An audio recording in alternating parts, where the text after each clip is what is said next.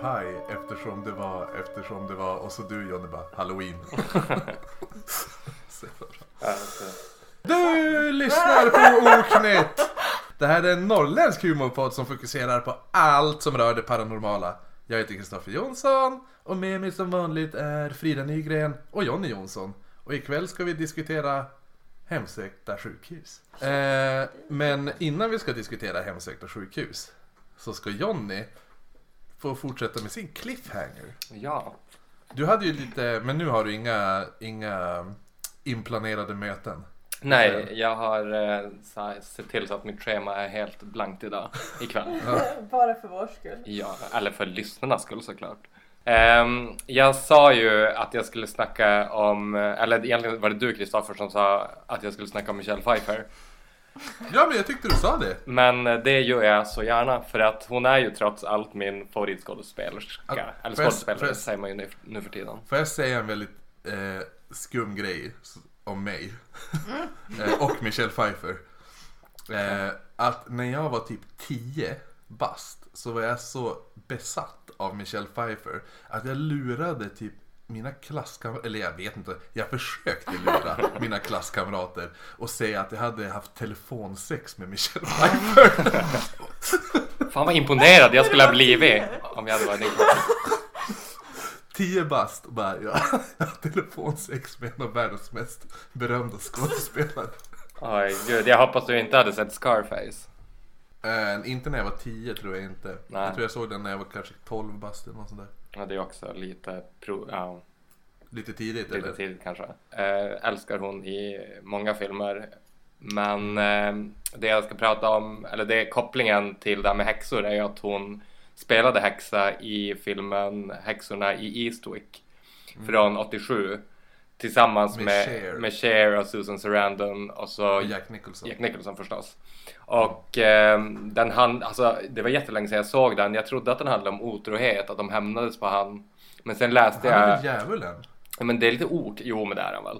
Ja. Eh, det var så länge sedan jag såg den, men jag tror att det var så att han förförde dem en efter en. Men Mm. eh, att de ändå på något sätt eh, blev ehm, eller de blev på något sätt lurade i alla fall så att de ska hämnas. Ja, Och, precis. eh, ja, det är ju lite av en spoiler men de flesta kanske har sett den någon gång på tv i alla fall. tänker jag. Inte för, det är ju ändå trots allt en klassiker. Ehm, får man ju säga. Eh, skitsamma, det är ju en ganska dålig film ändå trots allt. Eh? Jag- har inte sett den på kanske 15 år kanske. nej, han som, har, Så gö- mer. han som har gjort den har ju också gjort eh, Mad Max-filmerna. Så att, Alltså alla de gamla. eh, ja, det tror jag. Thunderdome. Mm, tror jag. Med, med, vad heter hon? Tina Turner. Ja, Ja, precis. Klassiker. verkligen. Alla Mad Max ju det. Ja, det är sant. Ehm, men hur som helst, det är egentligen inte den filmen jag ska prata om heller, utan det är egentligen, det är egentligen eh, kopplingen till bara att hon spelar en häxa i den, men hon spelar också en, eh, hon spelar också häxa i Stardust. Mm, Som just det. av, eh, det är ju en, Den tyckte jag var jättebra. den är ju svinbra, det är en sån här feel good film av, det är Neil Gaiman som har skrivit den. Åh, jag har ju läst Alltså det känns Frida som att du borde ha sett den. Med Ja, det men här, jag kan ju med, ha sett utan alltså, att... Alltså, med Robert De Niro som är homosexuell pirat. Och vad heter det, Claire Danes eh, Ja. och även eh, Ian McKellen är ju berättarrösten också. Mhm. Eh, och han är ju en slags, eh, vad ska man säga, en manlig häxa. I en ganska känd film. Vadå, Lord of the Rings? Exakt! jag försöker bara få in en till koppling. Eh, ja, men hur som helst. Eh, i, det finns också en film som heter, alltså i, jo men just det, det var det jag skulle säga, att i den här, eh, i Stardust eh, spelar hon en häxa och, som heter Lamia. Det är hennes karaktärsnamn. Och jag kände igen det lite grann och kom fram till att i filmen Drag Me To Hell av eh, Sam Raimi Mm. där finns det också en slags häxa kan man säga. Eh, som kastar en förbannelse över huvudrollen. Ja, precis. Någon italiensk liten gammal gumma typ. Ja men det, ja precis. Och det är eh, den demonen som åkallas då, eller som hon kastar på huvudrollen, heter Lamia. Mhm. Eh, så det var där kopplingen fanns. Och då googlade jag Lamia. För jag tänkte det måste ju finnas någon liksom verklig koppling. Det skulle vara ett Ja. konstigt sammanträffande annars. Ehm, och det som jag hittade var att eh, Lamia var ett monster i den grekiska mytologin. Cool. Eh, och det finns hon var, ehm, hon var en av Zeus älskarinnor. Jag tror han hade mycket älskarinnor. Han hade, Ett väl, par stycken. han hade väl typ en per dag. Ja men typ. Och jag Och tror... han var släkt med minst hälften av dem. Ja, så, Ja. så var det. Han- Och så, han- ja, för en var väl människa kommer jag ihåg och hon födde Herkules. Alltså, det går ju inte ens att hålla reda på. Alltså, ja. Hercules. Mm, men hon var i alla fall i början, alltså jag sa nyss att hon var ett monster i den grekiska mytologin. Men från Ja. början var hon en vacker kvinna och jag, det stod det jag läste att hon var liksom Zeus favoritälskarinna. Så att Hera, Hon eh, gjorde the, the, the dirty stuff. Som ingen annan gjorde. vem vet.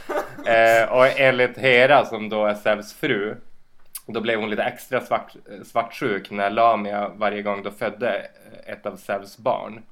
Så att Hera dödade barnen så fort de blev födda. Men alltså det är så roligt det här för rent just det här att de tar ut det på barnen. Det är som den här, visst är det han Kronos eh, som typ Ja, käkar upp sina barn?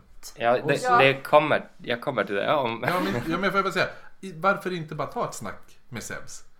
Och bara dude, alltså jag, ska vi göra det här då, då gör jag inte det längre. Alltså, Ja, det sparar mycket, Exakt. mycket liv. ja, jo exakt. Jag precis. tyckte han skulle cut the balls. Ja, men till slut i alla fall blev Lamia så utom sig av sorg och korsade liksom vansinnets gräns. Eh, och då tog hon ut sin svartsjuka på alla mödrar som hon såg runt omkring kring sig. Och det drev, det drev henne så långt att hon började stjäla barnen på nätterna för att sedan äta dem. Och eh, på grund av eh, det här att hon gjorde de här vedervärdiga handlingarna eh, då förvandlades hon då till ett fult monster med förmåga att ta ut sina egna ögon ur sina hålor när hon ville sova.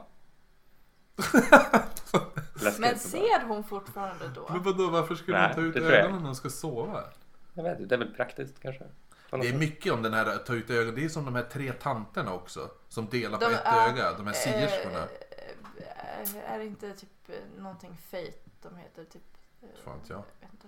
Jag vet bara att det är tre tanter som, som delar på ett öga och så kan de se i framtiden och så har de några jävla trådar de kan klippa, då dör någon. Ja, det låter bekant. Men det, ögon är ju väldigt så vanligt förekommande. Så här, vad säger man, själens speglar och sånt. Ja, precis. Eh, men det finns också en annan version ehm, om Lamia där istället att ehm, Hera istället tvingar Lamia att äta sina egna barn så fort de fött dem. Och det här får henne att Lamia att förlora förståndet. Och det slutar inte ens där. För att då har hon redan utvecklat en smak eh, för barn. Så hon stal andras barn om natten då för Aha. att äta dem. Men och alltså, man använde som Lamia som någon slags eh, Alltså man använde Lamia för att skrämma barn. Alltså föräldrar använde det för att skrämma sina barn om de inte uppförde sig. ja, ja, eh, gör det annars kommer hon att ta dig typ. Exakt, så det är lite som Krampus eller eh, Näcken typ. Alltså som... eh, Alltså jag älskar ju grekisk mytologi över allting annat. Jag måste säga att den här andra varianten låter mer trolig. Men jag tycker inte det för att, kolla här. Hur tvingar man någon att äta sina barn? Jo men de... Du bara, alltså, ät dem det, då. Ja, Hon men- är en gud. Bara, men, jag- ja, men jag gör det inte. Nähä?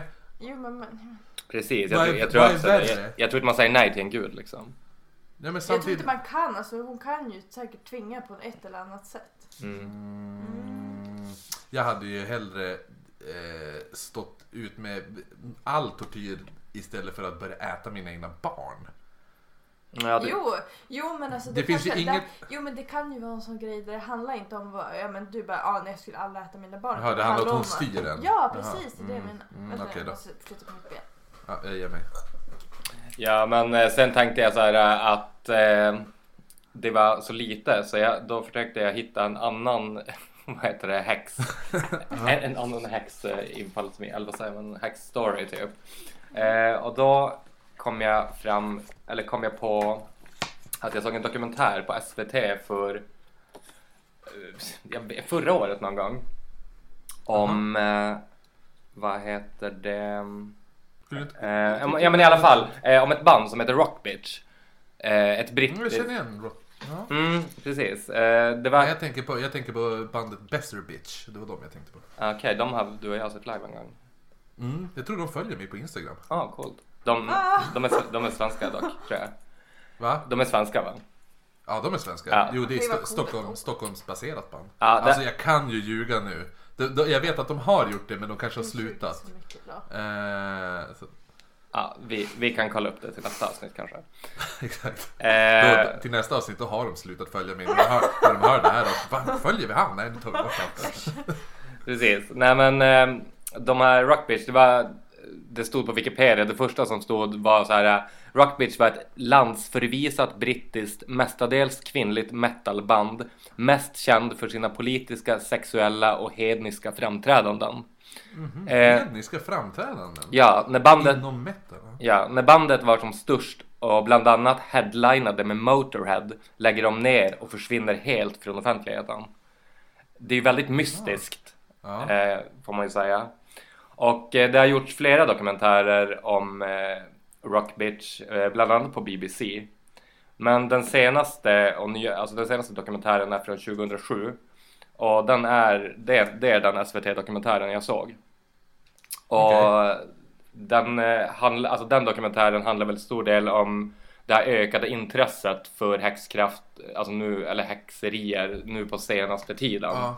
Att, ja men Alltså, så här, Wicca. Ja men exakt, alltså Lana Del Rey och vem är, vad var det hon, eh, Aria, Alltså, Ariana Grande. skola. Men alltså, jag, alltså, vad gör de då? De sitter med typ tarotkort och, och rökelser. Ja men jag tror det, men eh, jag, vi kommer in på det lite senare. Mm. tror jag. Ehm, vi får se. Ehm, hur som helst, eh, det här svenska tv-teamet på SVT som skulle göra den här dokumentären. Eh, det tog flera månader för dem att överhuvudtaget hitta dem. Och det som hände var att till slut fick de svar på en gammal mailadress eh, som de hade hittat på någon sån här supergammal hemsida. Och då fick de svar i alla fall och det visade sig att vissa medlemmar, av, eller resterna av Rockbitch lever kvar tillsammans i ett kollektiv i, eh, på den skotska landsbygden. Eh, och de bor i De blev hippies. Ja, De men, blev hippies. nej, men grejen är ju förstås att de är häxor. Såklart, de har en coven alltså. Ja, de, har, eh, de är riktiga häxor. Och eh, i den här dokumentären, då, det är både som en återspegling av deras karriär som var helt sjukt galen och cool. Eh, men den förklarar också ganska ingående om deras koppling då till eh, det här med häxkrafter och hur den påverkar deras musik och deras liveframträdanden.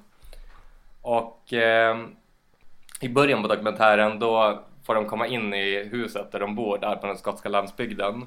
Och i, då går de in och ska visa ett sovrum. Och i det sovrummet, det enda som finns där är typ en jätte, jätte gigantisk säng. Där det får plats fem personer. eh, och, da, och där har de liksom, de så varierar liksom. Det är lite olika personer som sover där. Eh, så de har liksom ett så poly, polyamoröst, Poly- eller polygamistiskt, ja precis, eh, eh, liv. Och eh, kollektivet har två män, men sen är det majori- eller alla andra kvinnor. Eh, så det är, det är Alltså majoritet. de, de killarna är ganska, alltså de är inte Nöjda. häxor, de är bara jävligt nöjda. Nej, ja, det, jag är inte så säker på det faktiskt. Att de är det. Eller så är de sektledare. Alltså inte för att vara sån, men om man har... Alltså fatta ändå att få sova själv i en säng för fem personer. Ja, jo. Eh, ja, men i alla fall de var så här svinstora där i... eh, De började på 90-talet, så det var som i slutet på 90-talet och början på 2000. Och de turnerade bland annat i både Tyskland, Frankrike, Frankrike, Schweiz, Holland, Sverige, Danmark, Italien, Spanien, Finland, Slovenien, Tjeckien, Estland och Storbritannien. Så de var ju typ i hela, hela Europa. Och i deras eh, scenframträdanden och i deras häxkonst är sex eh, det centrala. Och det är där de eh, säger att de hämtar sin kraft. Eh, och, den en, och den enda regeln som de har i sin sexsekt eh, det är att eh, det är samtycke. All, det är den enda regeln. Nice! Och ehm, en av eh, medlemmarna i bandet som kallades för, alla hade som smeknamn, eh, en kallades The Bitch Och, eh, och såklart. Och den som de intervjuar i dokumenter- dokumentären heter något annat som jag tappar bort nu. Men skitsamma, de intervjuar i alla fall en, eh, jag tror det är gitarristen i Rockbitch. Och hon säger så här, det här är ett citat som jag har översatt alldeles själv så det kanske inte är Oh. helt Citat! Citat. Eh, om jag inte är fri att utöva sex precis som jag vill är jag inte fri alls. Om jag inte kan vara en sexuell kvinna existerar inte feminismen. Och eh, jag tror att det handlar om att ta kontroll över sin, alltså om kvinnan liksom ska ta kontroll över sin egen sexualitet och inte använda den för att behaga någon, någon annan än sig själv, typ män då. Utan Ja, att det handlar om att liksom, det, jag menar alltså att behaga sig själv. Säger hon samtidigt som två dudes sitter och är jävligt nöjd i den här texten. Ja, men det är i alla fall som deras eh, ledord kan man säga. De säger själva att Rockbitch föds ur den tanken av det citatet jag läste upp. Själv alltså hämta kraft från sex. Själv är det typ tvärtom. Helt slut ju. Ja. Ta powernap efteråt. Men då, de har säkert nå, nå så här, någon ritual de gör eller någonting som de orkar. Ja, Jo ja. men man kan ju vara, man kan ah. Alltså man, man kan ju få energi, det finns ju energi och så finns det energi. Alltså det finns ju Ja, det är så här spirituell energi. Ja. Du, Janne, vad hette det här bandet som brukade kasta ut, det var ett, det var ett band med enbart tjejer, ett punkband tror jag, som brukade kasta ut en kondom i publiken och den som fångade En den fick ligga med någon i bandet. Ja, vad roligt att du sa det. Eh, du kanske pratar om The Golden Condom? Ja, precis. Ja, ehm, det var Rockbitch. Var det dem? Eh, det var alltså under då när de spelade eh, på sina spelningar. Då kastade de ut eh, en kondom som de kallar för Golden Condom. Ja, Och exakt. det det innebar det är att eh, den som fångade den här kondomen fick komma upp på scenen och ha sex med någon i bandet. på scenen. Ja, på scenen på riktigt. Nice. Eh, och det är liksom, de, he, alla deras, alltså de såg sina spelningar som riktiga ritualer. Med en början på en ritual och den hade också ett slut. Och det var liksom hela spelningen. Eh, de, Men alltså, får, får jag bara. Mm. De, de var, var de häxor innan de slutade? Alltså för de slutade ju sa du ju. Alltså de försvann ju bara tvärt. ja men nu, Eller har de börjat spela igen efter de har blivit häxor? jaha det kanske inte framgick. Nej, eh, det här är ju liksom, nu det jag berättar nu, det är ju deras eh, karriär liksom. Det som hände, det är allt med The Golden jo, Condom. men när, när var Golden Condom? Var det innan de försvann från rampljuset? Nej, det är liksom innan. Det är under deras karriär, de blev ju jättestora. Det här med Ja, Golden de Condom var de ju var jättestora. häxor hela tiden? Alltså det var ju därför de började, för att de var häxor. Det är hela... Jaha. Ah, okej. Jag tänkte att de var ett band som blev häxor. Nej. Nu är de, bor de i ett kollektiv. Nej, alltså bandet... Nej, alltså det bildades av eh, hon Amanda Smith Skinner, The Bitch, och en man som kallades The Beast, 89. Och... Eh, 89! ja, precis. Han Och tog de, bara eh, sitt såhär Lunarstorm smeknamn ungefär. Eller såhär Mirkchat. ja, de hette i början Red Abyss. Men bytte de namn sen till Rockbitch. Eh, och, de, och de letade alltså aktivt medlemmar inom, inom den matriarkala, polyamorösa, hedniska, feministiska gemenskapen. Och eh, den här Smith Skinner, alltså hon som kallas The Bitch, hon var som en förespråkare för det feministiska och eh, ja men häx eh, konst och det här, ja men allt det. Ja. Så att det föddes ju ur det. Det är därför Rockbitch bildades. Och eh, de uppträdde ju, alltså när de uppträdde så uppträdde de ofta nakna. Och eh, hade ofta sex med varandra eller tillfredsställde varandra på scenen. Eh, Why not liksom? ja, exakt. Så det var väldigt här, explicita framträdanden. Ja. Och eh, som jag sa i början så under en spelning på en festival, de sa aldrig vilken, då drar de så stor publik så att de får headlina med Motorhead för över 150 000 personer.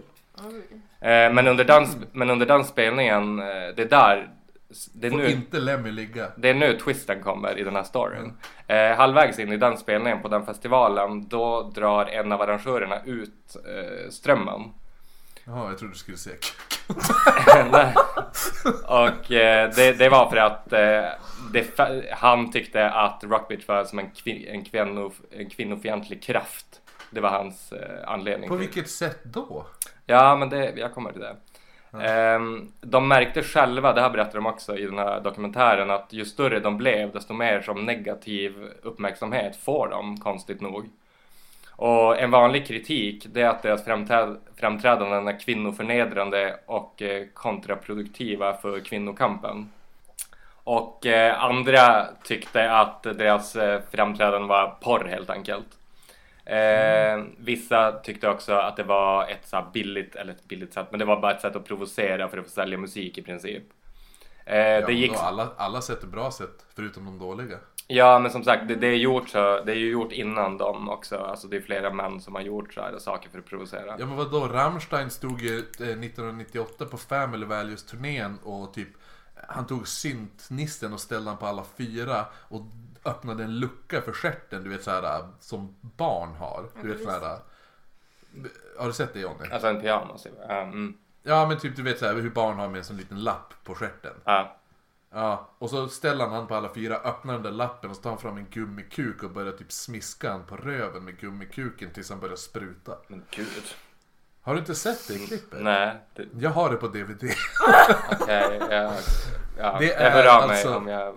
Ja, det är alltså Family Values turnén 19... Family values. Ja, Family Values turnén 98 med Rammstein, Korn, Limp Bizkit, Ice Cube och typ eh, några som jag kommer inte ihåg, Orgy tror jag de hette. De försökte göra, slå igenom, gjorde en cover på Blue Monday och så. Eh, ja, som sagt, det var ju just det där att de fick så mycket negativ uppmärksamhet och eh, det gick så långt att på vissa platser behövdes till och med polisskydd mot, eh, de, eh, mot protestgrupper som eh, bildades.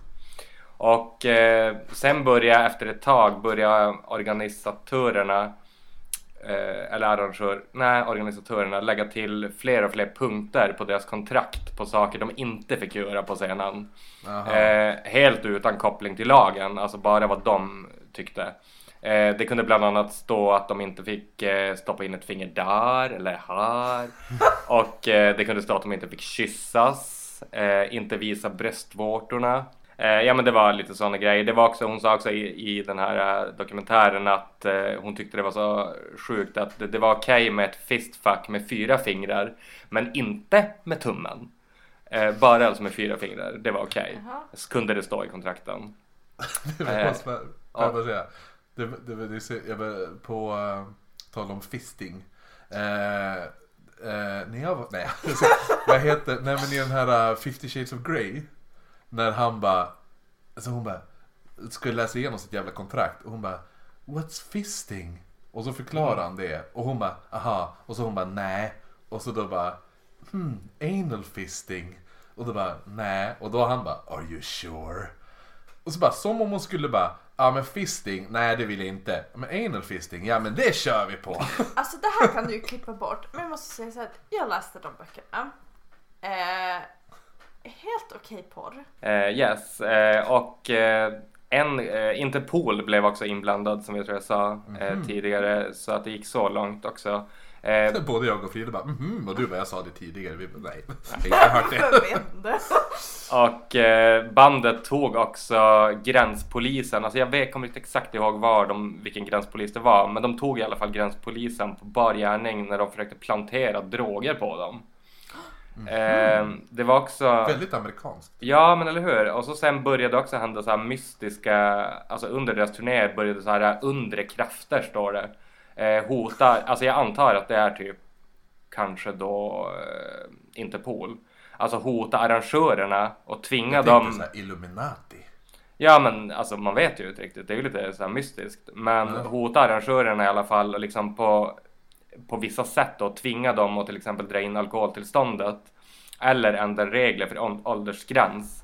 Och då kom det ju inget folk, alltså de började förstöra för deras eh, spelningar. Eh, det gick till och med så... Det gick till och med så långt att vissa av arrangörerna, alltså de riskerar liksom att bli av med sina ställen och eh, det fick, de fick till och med bombhot, vissa arenor. Oj. Och de började som att känna efter ett tag att det var inte värt det för att liksom de hade som sin tanke med bandet och de kände inte att de fick ut sitt budskap längre. Så de kändes för motarbetade helt enkelt. Så 2002 så, så la de ner helt enkelt. Mhm. Och vart då femsängsgänget? Nej men det har de varit hela tiden. Ja, de har alltid varit femsängs. Ja, ja, ja, ja. Alltså det är inget liksom nytt. Men i alla fall, jag vill bara avsluta med att eh, jag tror att både den dokumentären som kom 2017 Och eh, men allmänt, det var ju någonting, men alltså vad heter hon, Azealia Banks. Såg Mm, ni när... Jag älskar Celia Banks förutom när hon typ får så här eh, jobbiga typ börjar grina i radio och prata om typ eh, så här svart kultur. För att, och så börjar hon bara grina så sen måste man sitta och försöka lyssna på när hon ska prata. Och bara... Ja men sådär. såg du det på Instagram när hon la upp, eh, alltså hon är ju häxa också. Ja, jag följer inte den på Instagram. Ah. Jag följer, ifall, ifall, någon, ifall någon säger så här, jag är häxa, då kommer jag sluta följa det på Instagram. Ja okej, alltså jag älskar, Jag är jag, häxa. jag, jag älskar häxor. Och... Eh, jag med, men jag gillar inte häxor som är så här bara... Uh, eh, för det är någon, det är för- jättemånga, det är speciellt en tjej som jag kommer ihåg som jag, jag tror jag, be- sa inte jag det här förra gången? Jag klippte bort det kanske. Skitsamma, jag måste, då berättar jag det igen. När jag skulle typ dejta någon tjej och så hon bara, uh, men jag är häxa. Och typ så här började komma in, man bara, jag var direkt, uh, gud. Så hon bara typ, hon var ju och köpte så här tarotkort. Det fanns ju någon butik i Umeå som var en häxbutik förut. mm, Eh, och där var hon hela tiden, så här, köpte tarotkort. var den i Vasagallerian? Nej, den var i hörnet, mitt emot Ica Gourmet. I hörnet. Mitt emot. Ah, ja, jag tror jag var där när jag var liten. Mamma pluggar ju. Ja, mm, kommer. Ja, nej men så här och så bara... Eh, så var, och typ rökelse köpte de. Och så här typ... Jag vet inte mycket siden och silke var det ju som den där. Och så typ lösnaglar som var i lila helst. Och så sen då satt de och så bara ah jag är häxa. Och så kom man direkt in på någon anledning och började prata om spöken. Hon bara ja, ja men spöken det är ingenting att vara rädd för. Alltså jag ser spöken varje dag. Det är som så här. Jaha. ah, alltså typ direkt sitter jag bara men bara, jag tror det spökar här. Jag bara, haha det är bara min kompis Pierre. Eh, han är här varje dag. Och så man bara, nej, håll Massa, käften. ja, alltså jag, jag följer också någon... Um, ja men grejen är att, ja men fine, do your thing typ.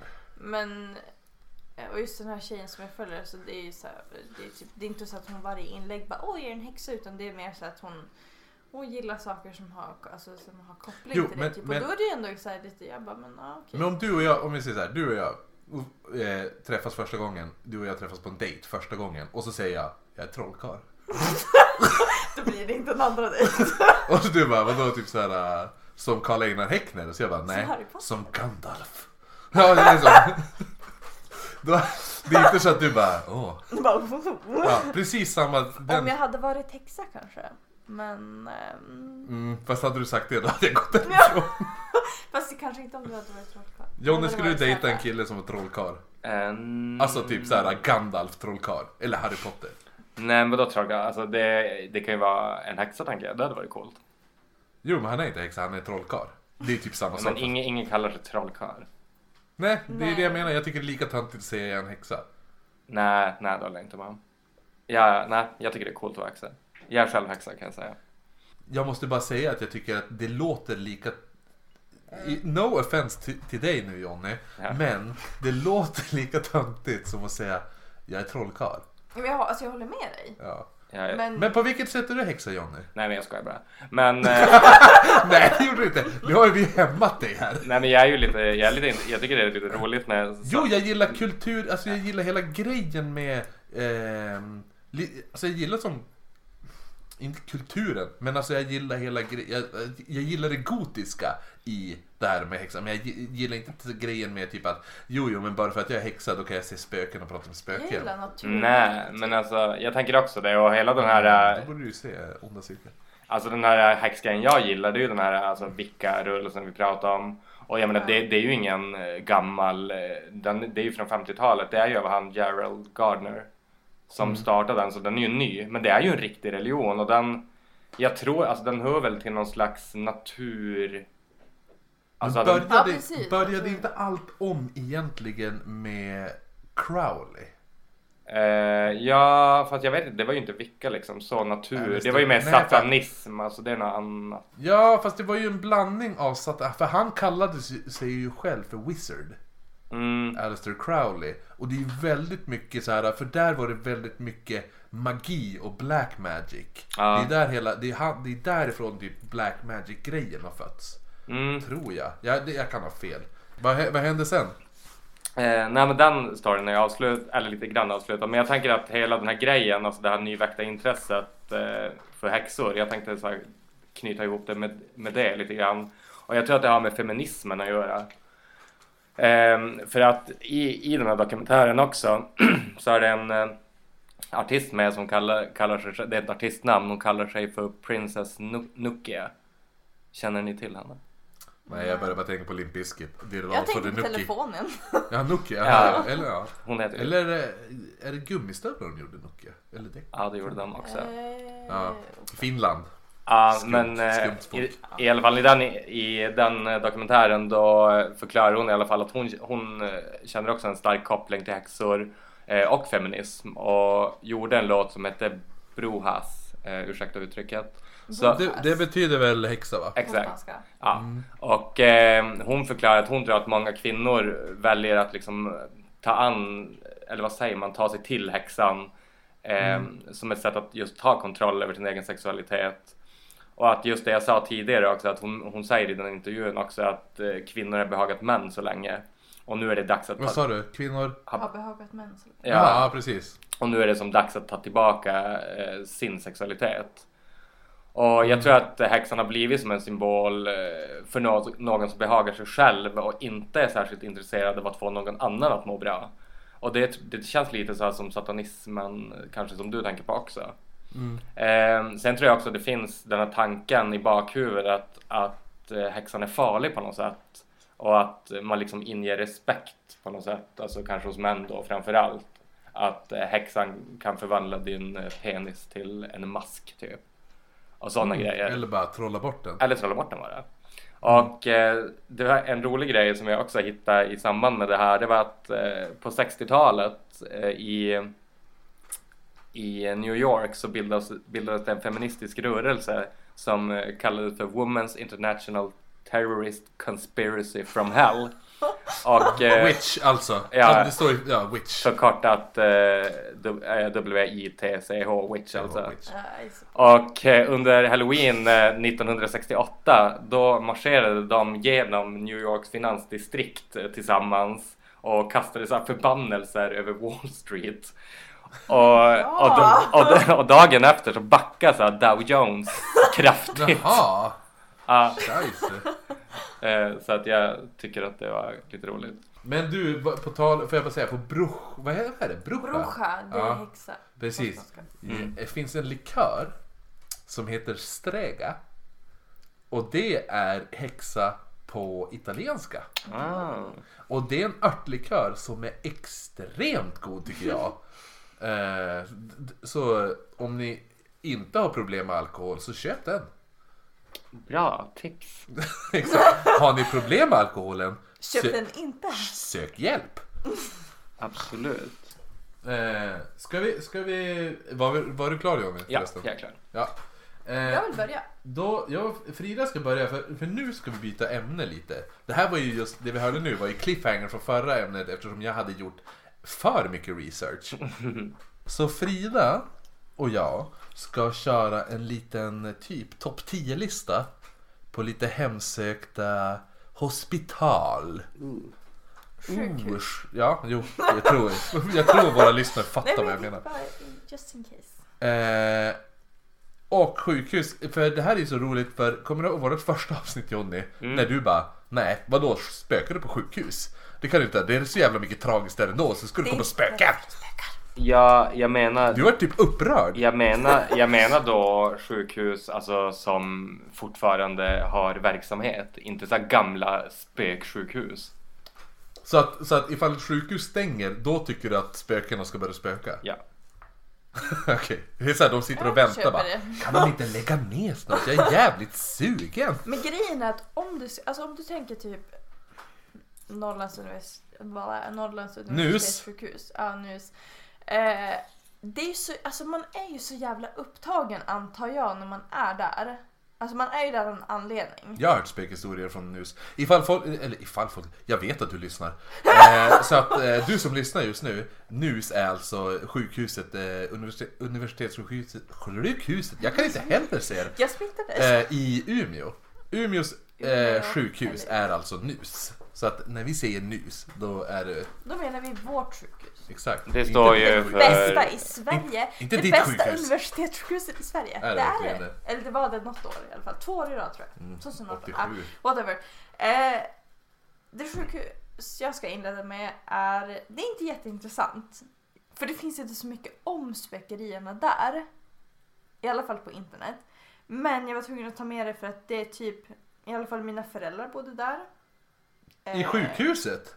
Nej, på området. Jaha, I okej. Umedalens mentalsjukhus. Jag hoppas inte det föräldrar Nej men grejen är att alltså, För jag, jag, jag har en teori om lite varför det inte finns så mycket berättelser när man med specifika sjukhus och likadant typ eh, eh, om vi säger så här, ålderdomshem eller ja, allting Ja, ja. som har med, med så här, vårdhem eller vad som helst att göra.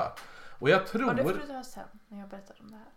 Jo men får jag bara säga, det här är, det, det, det, här är det var tvärsäga innan för jag har också just, jag har haft lite svårt att hitta just, för, Jag har haft jättesvårt. eh, för man, ja, man har hittat jätte, jättemycket sjukhus där det säger bara, här sägs det att På det typ spökar. Flashback. Ja, här sägs det att det spökar, här sägs det att det spökar. Det, det är inga problem att hitta. Där finns det tusentals sjukhus säkert att hitta där det är, här sägs att det spökar. Men det finns inga konkreta spökhistorier. Vem är det som spökar? Vad är det som spökar? Är det, är det da, en vit dam som går där eller är det bla bla bla bla bla? Inga, ingen som har varit med om någonting. Utan det är bara, det sägs att det spökar. Precis, och det jag tänker då är lite att det kan ha någonting med tystnadspliktsgrejen att göra. För alla som jobbar inom vård och allt det här måste ju skriva på ett tystnadspliktsavtal. Så att du kan inte gå ut på typ Flashback och skriva bara Ja, jag heter det här och jag jobbar på den här eh, sjuk, sjukhuset och så jobbar jag på eh, kirurgen sal 4. Och i den salen bla bla bla, spökar det av eh, tant Greta som omkom under en operation.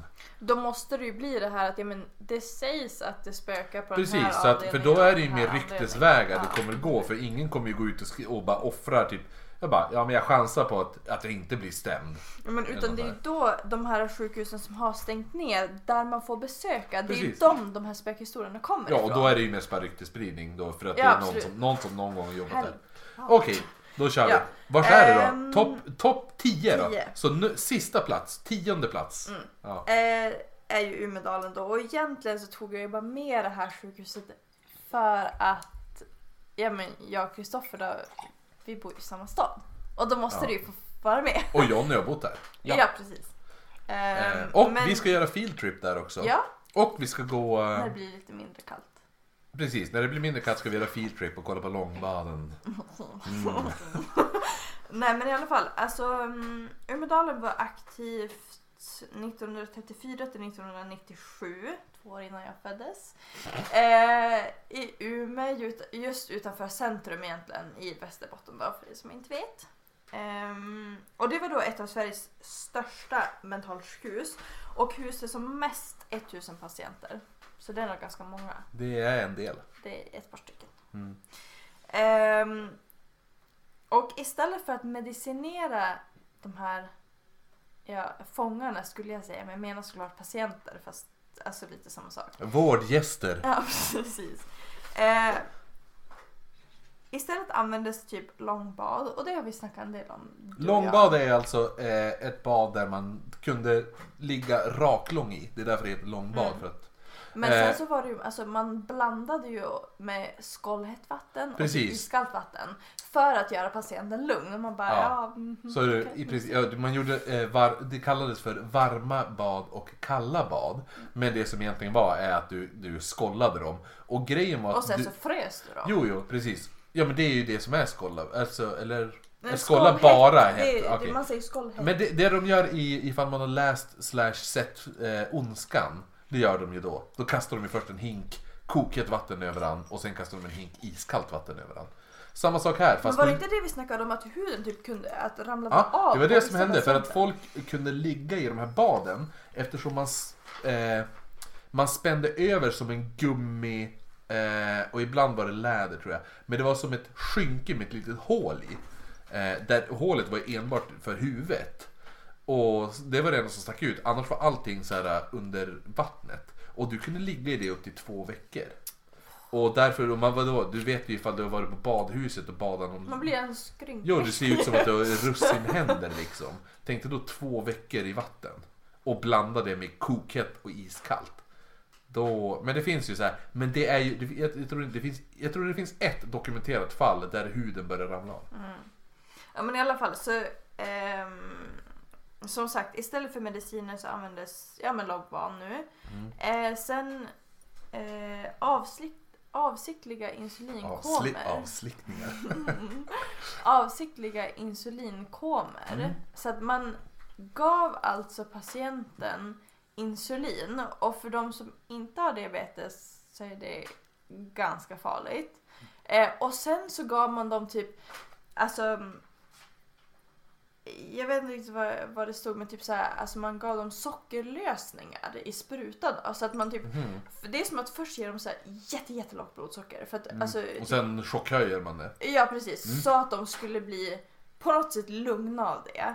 Ehm, och jag menar, jag som det vet kan jag ju säga att man blir ju inte superpigg av att ha sådana här blodsockersvängningar men man mår ju inte asbra heller. Alltså, det är inte det är därför det, blir, det svajar lite när, när Frida pratar ibland i den här podden. För hon, eller? Jo, det Ja. gör det ju absolut för att mitt blodsocker har varit helt upp och ner under de här avsnitten. alltså det, ja, ehm, men i alla fall. Eh, sen elchocker, sömnkurer. Eh, Ja, man det, gav låter, typ det låter som någon sån här Guantanamo Bay-aktig Inte. grej. Ba- Vet du inte vad Guantanamo... Kan du förklara det och sen får jag se om jag vet. Guantanamo Bay är ju ett ställe där man håller eh, typ terrorfångar i USA. Eh, då, man får inte sova. Så, det, så Ja men fort, just det, ja, just det. så fort du- någon börjar försöka, alltså håller på att somna, då spelar de typ så här max blastar ut typ eh, black metal. Till eh, någon snubbe från så här. jag lovar att jag hade kunnat sova till det. Ja, eller så, ja, men så, ja, då kör de typ Sven-Ingvars då till dig. Alltså, vem kan sova till det? L- ja, lugn musik. Ja, Ja. nej fortsätt. Ja men i alla fall. Eh, och självklart lobotomier. Mm. Eh, Umeå, jag har för mig det här är, det Ja var, precis, det var typ en av de, ett av de sjukhus. Jag tror det var det med sjukhuset som var Ja, mest. alltså så att man utförde mest lobotomier och då Mm. skickade man ju de här alltså patienterna från Umedalen till NUS. Fast kanske inte i modern form. Mm. Eh, men- många, många, eh, alltså Umedalen, vi, Umedalens metall, vad jag, jag har för mig det här, det här, jag kan ha fel, någon får väl rätta mig då, men jag kommer inte läsa det du skriver. eh, då, då var det att eh, vi, alltså Umedalens mentalsjukhus var det som var, låg i framkant i typ Europa. Ja! i var ju-. Det var inte bara i Sverige, Det utan i Sverige var vi nummer ett. Ja, I ja. Europa var vi topp tre. Ja men i alla fall. ehm, och det enda som, alltså jag har inte hittat några spökhistorier från Umedalen direkt utan det är ändå mer att alltså på grund av att man utförde så himla mycket tortyr här, alltså Mm. de här olika tortyrmetoderna så är det ju ganska självklart att om man tror på spöken att men det kommer spöka. Ah, jo, det, jo, men det, det, det är lite det här, äh, det bygger upp sin egen Ja. mytos. Och de dröjer sig kvar inom Ja. sjukhuset. Ska jag köra mitt eh, första? Mm. Eh, det här är ju dock, som, jag, som sagt, var det väldigt svårt att hitta eh, sjukhus som var, som var, där det fanns konkreta spökhistorier. Så min sista kommer inte bli från ett specifikt sjukhus, men däremot kommer det vara en berättelse som jag hittade på, eh, vad heter det, typ såhär familjeliv.se. Och älskar familjeliv. Det är Jag typ det också! bästa som finns. Ja, Alltså jag trodde det var typ såhär bara vad brukar ni mosa när ni matar era Nej, barn? gud, jag har- Sen jag in har det bara, bokmärkt. Vilka Nej. buttplugs använder ni? Typ. Det är typ, ja, i alla fall. Han, jag, jag, jag utgår ifrån det här är en han. Säger vi nu. Just för att jag är en han. är det det. Han har eh, jobbat som undersköterska på olika sjukhus och äldreboenden. Och är helt övertygad om att det spökar lite här och var, fast inte överallt då. Eh, på ett äldreboende så skulle han till exempel upp med en dam en gång. Till, så här, ja, ska upp på tredje våningen. Eh, så han skulle precis gå in i hissen när en äldre man bara tränger sig före och bara så här, du vet som med axlarna bara PUM! Slår till. Eh, och, och tränger sig före. Och går in i hissen och stänger hissdörren. Och han bara, Rude. så bara, ja, som fan. Det var precis det han tänkte. Han bara, Dude, jävligt rude. Ehm, så han... eh, han skrev det också, att han var faktiskt förbannad till och med. Så att, men då var det med så här pilar då för hissen så han vet vilken våning jag ska åka upp till. Ehm, men, men de här pilarna rörde sig inte. Och hissen började inte så här. Du vet hur hissar låter. Liksom. Ja, jag vet. Eh, åkte hiss. du, har- du har det! Har du det? Eh, nej men så den rörde sig inte så han bara okej men då öppnade han dörren så han bara slet upp dörren för, och skulle vara beredd att tala om liksom bara, alltså så här gör man Fuck inte. you. Ja exakt ungefär. Inte för att jag hade gjort det. Jag, hade, jag själv hade jag ju bara öppnat dörren, da- öppnat och gått in och så hade jag typ sagt ja nästa gång kan du typ se det för.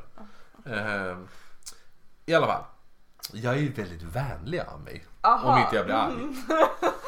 Eh, så han skulle se hur otrevlig han hade ag- agerat. Och då när han öppnade dörren är hissen helt tom. Och så började, då berättade han det här för några ar- arbetskamrater och flera av dem eh, som berättade för de hade satt, sett samma man gå i korridorerna där på äldreboendet. Ja. På ett sjukhus som var som rehab för äldre och så in, inte en sån här nu kommer du att dö avdelning. Då var det en, en dam där som dog och då hade, eh, då hade de satt in extra vak där. Så att den inte skulle dö själv. Eh, för den var så här på gränsen så. Och då var det han som satt där och, och när, hon, när hon dog då. Eh, och tydligen så hade han suttit och sjungit för henne de sista timmarna. Eh, han ser en del folkvisor och tåg och sånt. Och, ja, och, så, och så skickar han in ett litet humor en liten, liten humorgrej här inom parentes. Hehe, tänk, tänk om hon dog bara för att slippa höra mig sjunga. Lite galghumor. Ja, exakt! Jag säger ja på den. eh, sen då skulle de lämna rummet och så då när de gick ut, för, eh, han, eller han skulle gå ut, eh, då, började, då hörde han att det började knacka i sängen. Som att någon bara sådär. Eh, och han hade hört det, så, eh, så han, han och sin kollega då som, hade, som var med, de gick det in såklart och kollade och bara, tänk om hon lever liksom. Då bara, nope, stendöd. Eh, och så då tänkte de, det- vi hörde bara fel. Så började de gå ut och just när de skulle gå ut igen, då bara och då gick de tillbaka och då ser han då att, att då var citat! Eh, Oj så, vi talade om henne att hon var död och att hon skulle gå till ljuset. För där fanns hennes anhöriga och vänner som väntade på henne. Och då blev knackningarna svagare och sen försvann de.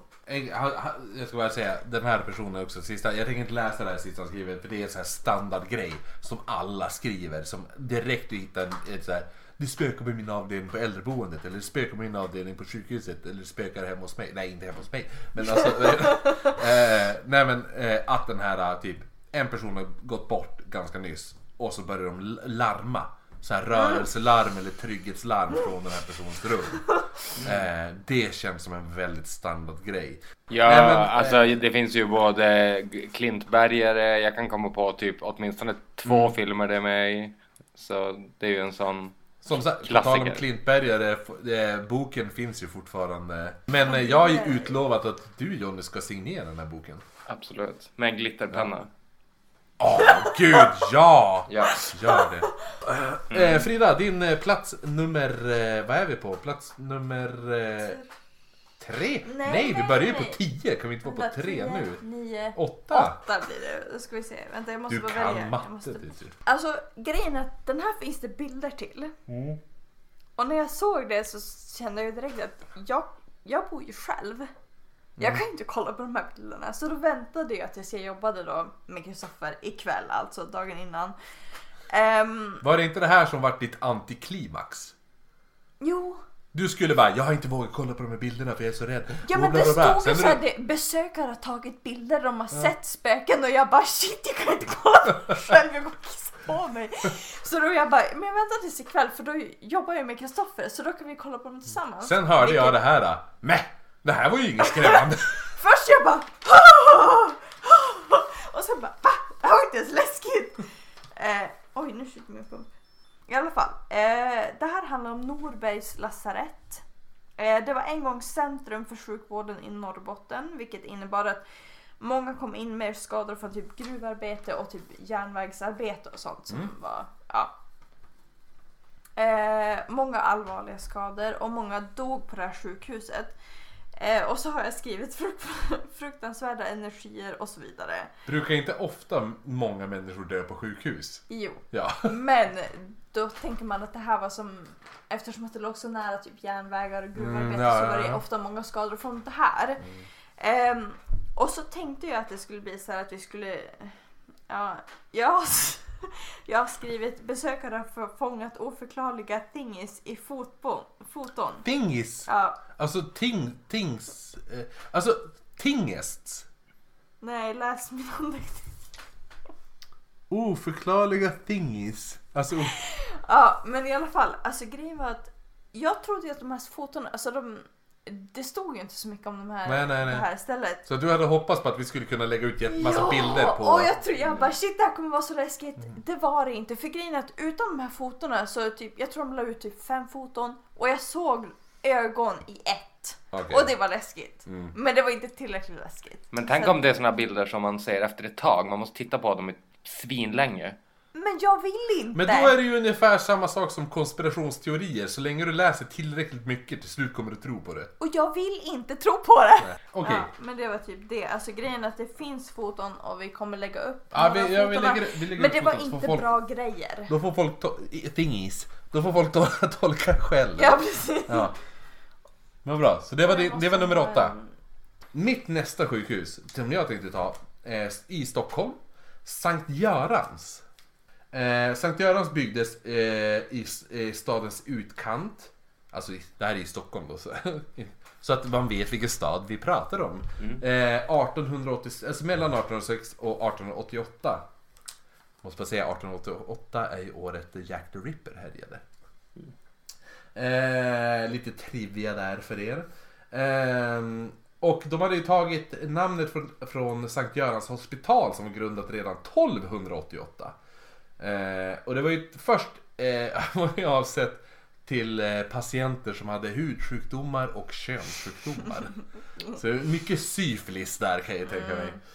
Eh, men, men sen då kom ju så här tuberkulos kom ju så då byggde de ut och kom in och det, så, så att eh, Sankt Görans vart lite den här eh, sjukhuset som alltid byggde ut.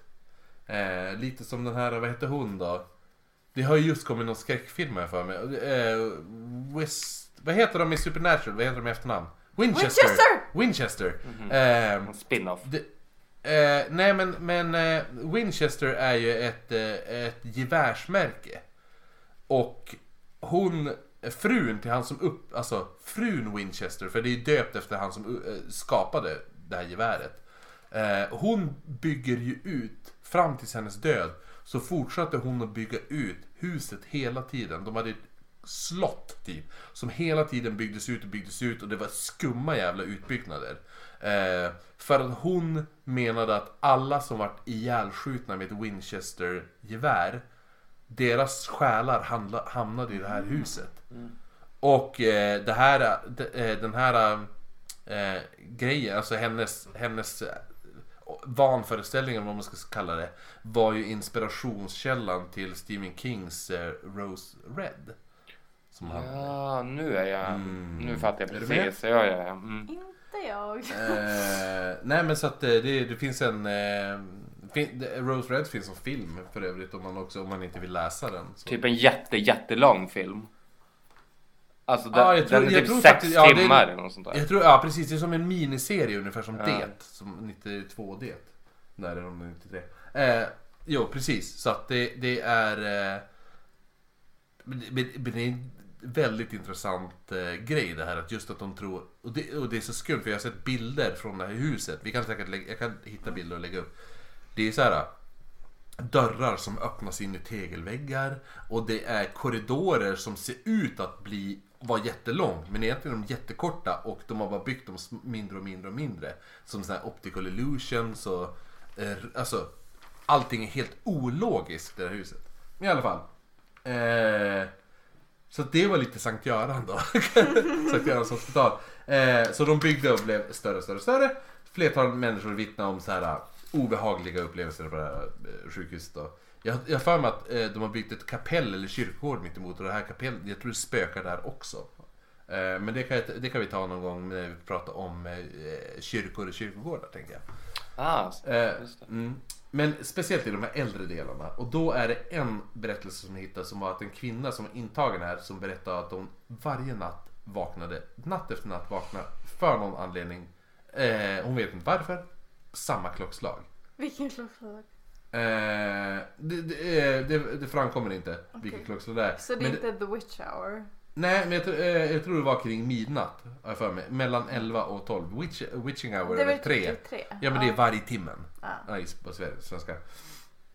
Eh, och hon och då får så här olustkänslor av, av mörkret i sjukhussalen varje gång. Eh, och att det, det är som en sprids som en oförklarlig kyla trots att det är typ högsommar i rummet. Mm. Så en natt när hon vaknar så kän, känns det extremt eh, tryckande. Den här eh, o, eh, onaturliga obehagskänslan som kommer. Så då reser hon sig upp så att hon reser upp i, i sängen som att hon lutar sig på ena armbågen ungefär. Ehm, och så ser hon över mitt emot, för det är ju andra som delar rummet. Mitt emot i, i sängen där ligger en annan tant i sängen. Och då bredvid sängen så står en, eh, en blek gestalt står lutad över kvinnan. Wow. Mitt emot. Och efter någon minut så börjar den försvinna som gradvis som att den bleknar bort. Eh, och hon är liksom så här. Det här är mitt natt, hon är helt borta i huvudet och typ somnar om. Och vid ronden nästa dag när läkaren kommer så går han över till den här tanten och så då ser ju hon att läkaren får någonting. Alltså, han blir lite ställd. Han var shit. Så han, de kör iväg den här tanten som var inne för typ lårbensbrott eller någonting. Ehm, och och eh, de kör ut henne där för att typ akutoperera. Men eh, de kom aldrig tillbaka med den här tanten. Mm. Och då tänker jag lite så här. Eh, för då är det så här. Var det, var det lite döds, dödsängel? Eller var det tanten själv som stod och tittade på sig själv? Mm. Vad tror ni då? Dödsängel eller kvinnan själv? Mm. Dödsängel. Ja, dödsängel. Det är Vad nice, dödsängel. Eh, jag vet inte, jag är lite... Jag, jag, jag, jag är Schweiz i den här frågan. Ja, ja, ja. Okej, men eh, jag ska prata om Bloms... vil- Vilket nummer blir det här? Sex. Blomsholms herrgård var ett säteri som fungerade som sjukhus efter att, eftersom att den låg längs en färdväg som Karl... Nu vet inte jag vad det här är. Karl Oskar. Fan, jag skulle ha kollat upp det här. Vad är det här? Va? X i Ja, Karl den tolfte. Karl den tolfte. Krigarkungen! Johnny, det här är återkommande Karl den tolfte. Jag tror det här är typ här fjärde avsnittet alltså- Karl den tolfte återkom. Men alltså vilket slott sa du det var? Vilket slott är det? Eh, det är inget slott, det är Blomsholms herrgård. En herrgård, Blomholms. Ja, men det var Eh. inte den jag hade i alla fall.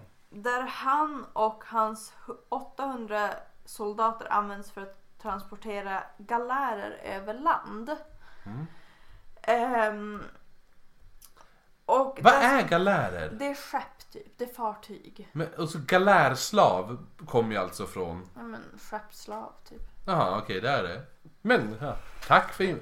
The more you know. Det här, som sagt Johnny, vad är det du brukar säga? Det är en väldigt Folkbildande. fo- folkbildande podd. Eh, den som hemsöker denna plats är en ryttare vid namn Konrad von Rank. Eller von Rank. Konrad von Schank. Jag tänker Från- inte... Va? Från Tyskland. Nej, är han det? Ja. Ja, han är det. Konrad von Schank! Eh, som ljudlöst sticker upp runt herrgården på sin bruna häst. Eh, den här snubben drunknade alltså när han försökte rädda sin son som föll i vattnet när de var ute Åh, och jag seglade. har hört om det här. Jaha. Ja. Fortsätt. Ehm, och eh, på grund av detta så kommer hans spöke fram för att varna människor för kommande olyckor då. Eh, som man endast kan klara sig ut genom att följa hans råd. Precis. Ja, men det jag vet, för jag har hört det här också. Just att det, för jag undrar om inte det här är med i... Kommer du ihåg vad vi pratade om första avsnittet Johnny, när jag berättade om eh, Det spökar? Den tv-serien som gick på kanal 5 med Torsten Wahlund. Ja just det, ja, jag har inte sett det. Nej, men eh, det, jättemånga avsnitt finns på Youtube så man borde se det. Och du har ju sett Torsten Wahlund idag Frida. Mhm. För du och jag har suttit och tittat på Saltkråkan idag, eller hur? Ja! Ja, det var Och, han eh, ja. Mm. Mm, han som är gift med Malin, alltså pappan till Okej. Skrollan. Det är Torsten Wahlund. Men vart var det här sa du? Vad hette det? Ehm, det var Blomholm. i Blomholm. Blomholm. Blomsholm. Ja, men vart ligger det då? Vet vi det? Äh, vi har inte googlat så bra. Nej. Eh, nu Jonny, eller hade du mer om det? Nej. Nej. Eh, nu Jonny kommer någonting som jag har tagit upp som kanske du känner igen. Okej. För det här heter Furunäsets mentalsjukhus. Ja, i Piteå. Jajamän. Bo, eh, bor du, har du varit här? Eh, Nej men nej! mig? Nej jag pratar inte med dig för jag pratar med Jonny, han bor ju för fan bredvid. ja, jag var där jättemånga gånger. I, i det, tydligen så har de så här katakomber och grejer. Eh, ja, alltså Kulvertar. Det, det finns lite kulvertar och så. Det går. Det Alltså finns, jag har, jag har ju gjort så här nu, jag, jag och Frida har ju börjat diskutera att eh, vi borde någon gång seriöst typ ta in på ett hemsökt hotell och typ livepodda, eller spela in en podd då. Ja, ska vi ladda ner såna här äh, spökappar som såna här äh, Ja. spirit radio och sånt. Ja, precis. Ja. Man, alltså, hur coolt vore inte det? Så jävla coolt. Har du, har du varit där nu när det är, för det, är, det har ju blivit hotell nu. Eh, ja, alltså jag var ju där. De har en restaurang som jag har ätit på några gånger och eh, jag har jobbat där. Det var ett flyktingboende. Ja, Va? Har du varit flyktingboende också? mm, precis. Ja, coolt. Eh, I alla fall, eh, det här mentalsjukhuset eh, det stod alltså färdigt 1893 och användes ända fram till 1987. Då stängde de det. Och där var det väldigt bisarra och sjuka behandlingsmetoder, bland annat eh, på patienterna då, Mm. inte på kollegor. Eh, det känns ju som, som sagt ett återkommande tema som du pratade om också på Umedalens mentalsjukhus. Det här att eh, varma och kalla bad, alltså de här. Men också så här inympning av skabb. Eh, vilket de i princip gav patienterna skabb. För att de skulle bli bättre. Vi- Jag vet inte hur man tänkte då. Så Nej, alltså. Hade du mådde dåligt? Ja, jag, jag har konstiga tankar. Ja, men då får du skabb. Up. Eh, eh, de, de placerade även folk, jo men de, de brände även folk med glöd, glödgande järn. Eh, de placerade folk i så här fuktiga hålor och även att de stängde in dem i burar. Eh, man kunde ligga eh, fastspänd i läderremmar och så som du sa det här med insulin och elchocker. Men även sån här eh, kloropromazin eh, vad heter det nu? injicerar man något som är någon så här neurologiskt läkemedel. Och så då såklart lobotomi. Nu är det ju som sagt eh, hotell och konferens. Och, eh, men däremot så verkar ju personalen eh, har ju upplevt lite så här oförklarliga händelser. Och speciellt i ett rum som är rum 605. Vilket känns väldigt The Shining. Alltså så här, ett rum på ett specifikt rum på ett hotell känns så himla The Shining. Mm. Eh, ja, men just i det här rummet så är det så här, gäster sover väldigt oroligt. Och så de känner sig iakttagna och sådana saker. Men i alla fall, det gick så pass långt så att de tog dit det okända. Åh! Ja, Gud, jag Eh. hade mardrömmar efter jag såg det första gången. ja jag- alltså jag började se det här men jag blir lite förbannad på det okända. För jag är lite så här, Men jag var typ 12 Alltså- när jag såg det. Ja, jag har ju typ hållit på så här 26 säsonger någonting. Eh, Malin Berghagen var väl första programledare för mig. Mm, googla det. Eh, det. Nej men, jag kan se i början när, när, när person, för jag såg, jag såg det här avsnittet, eller jag såg början av det här avsnittet, när de som jobbar där berättar om vad de har varit med om.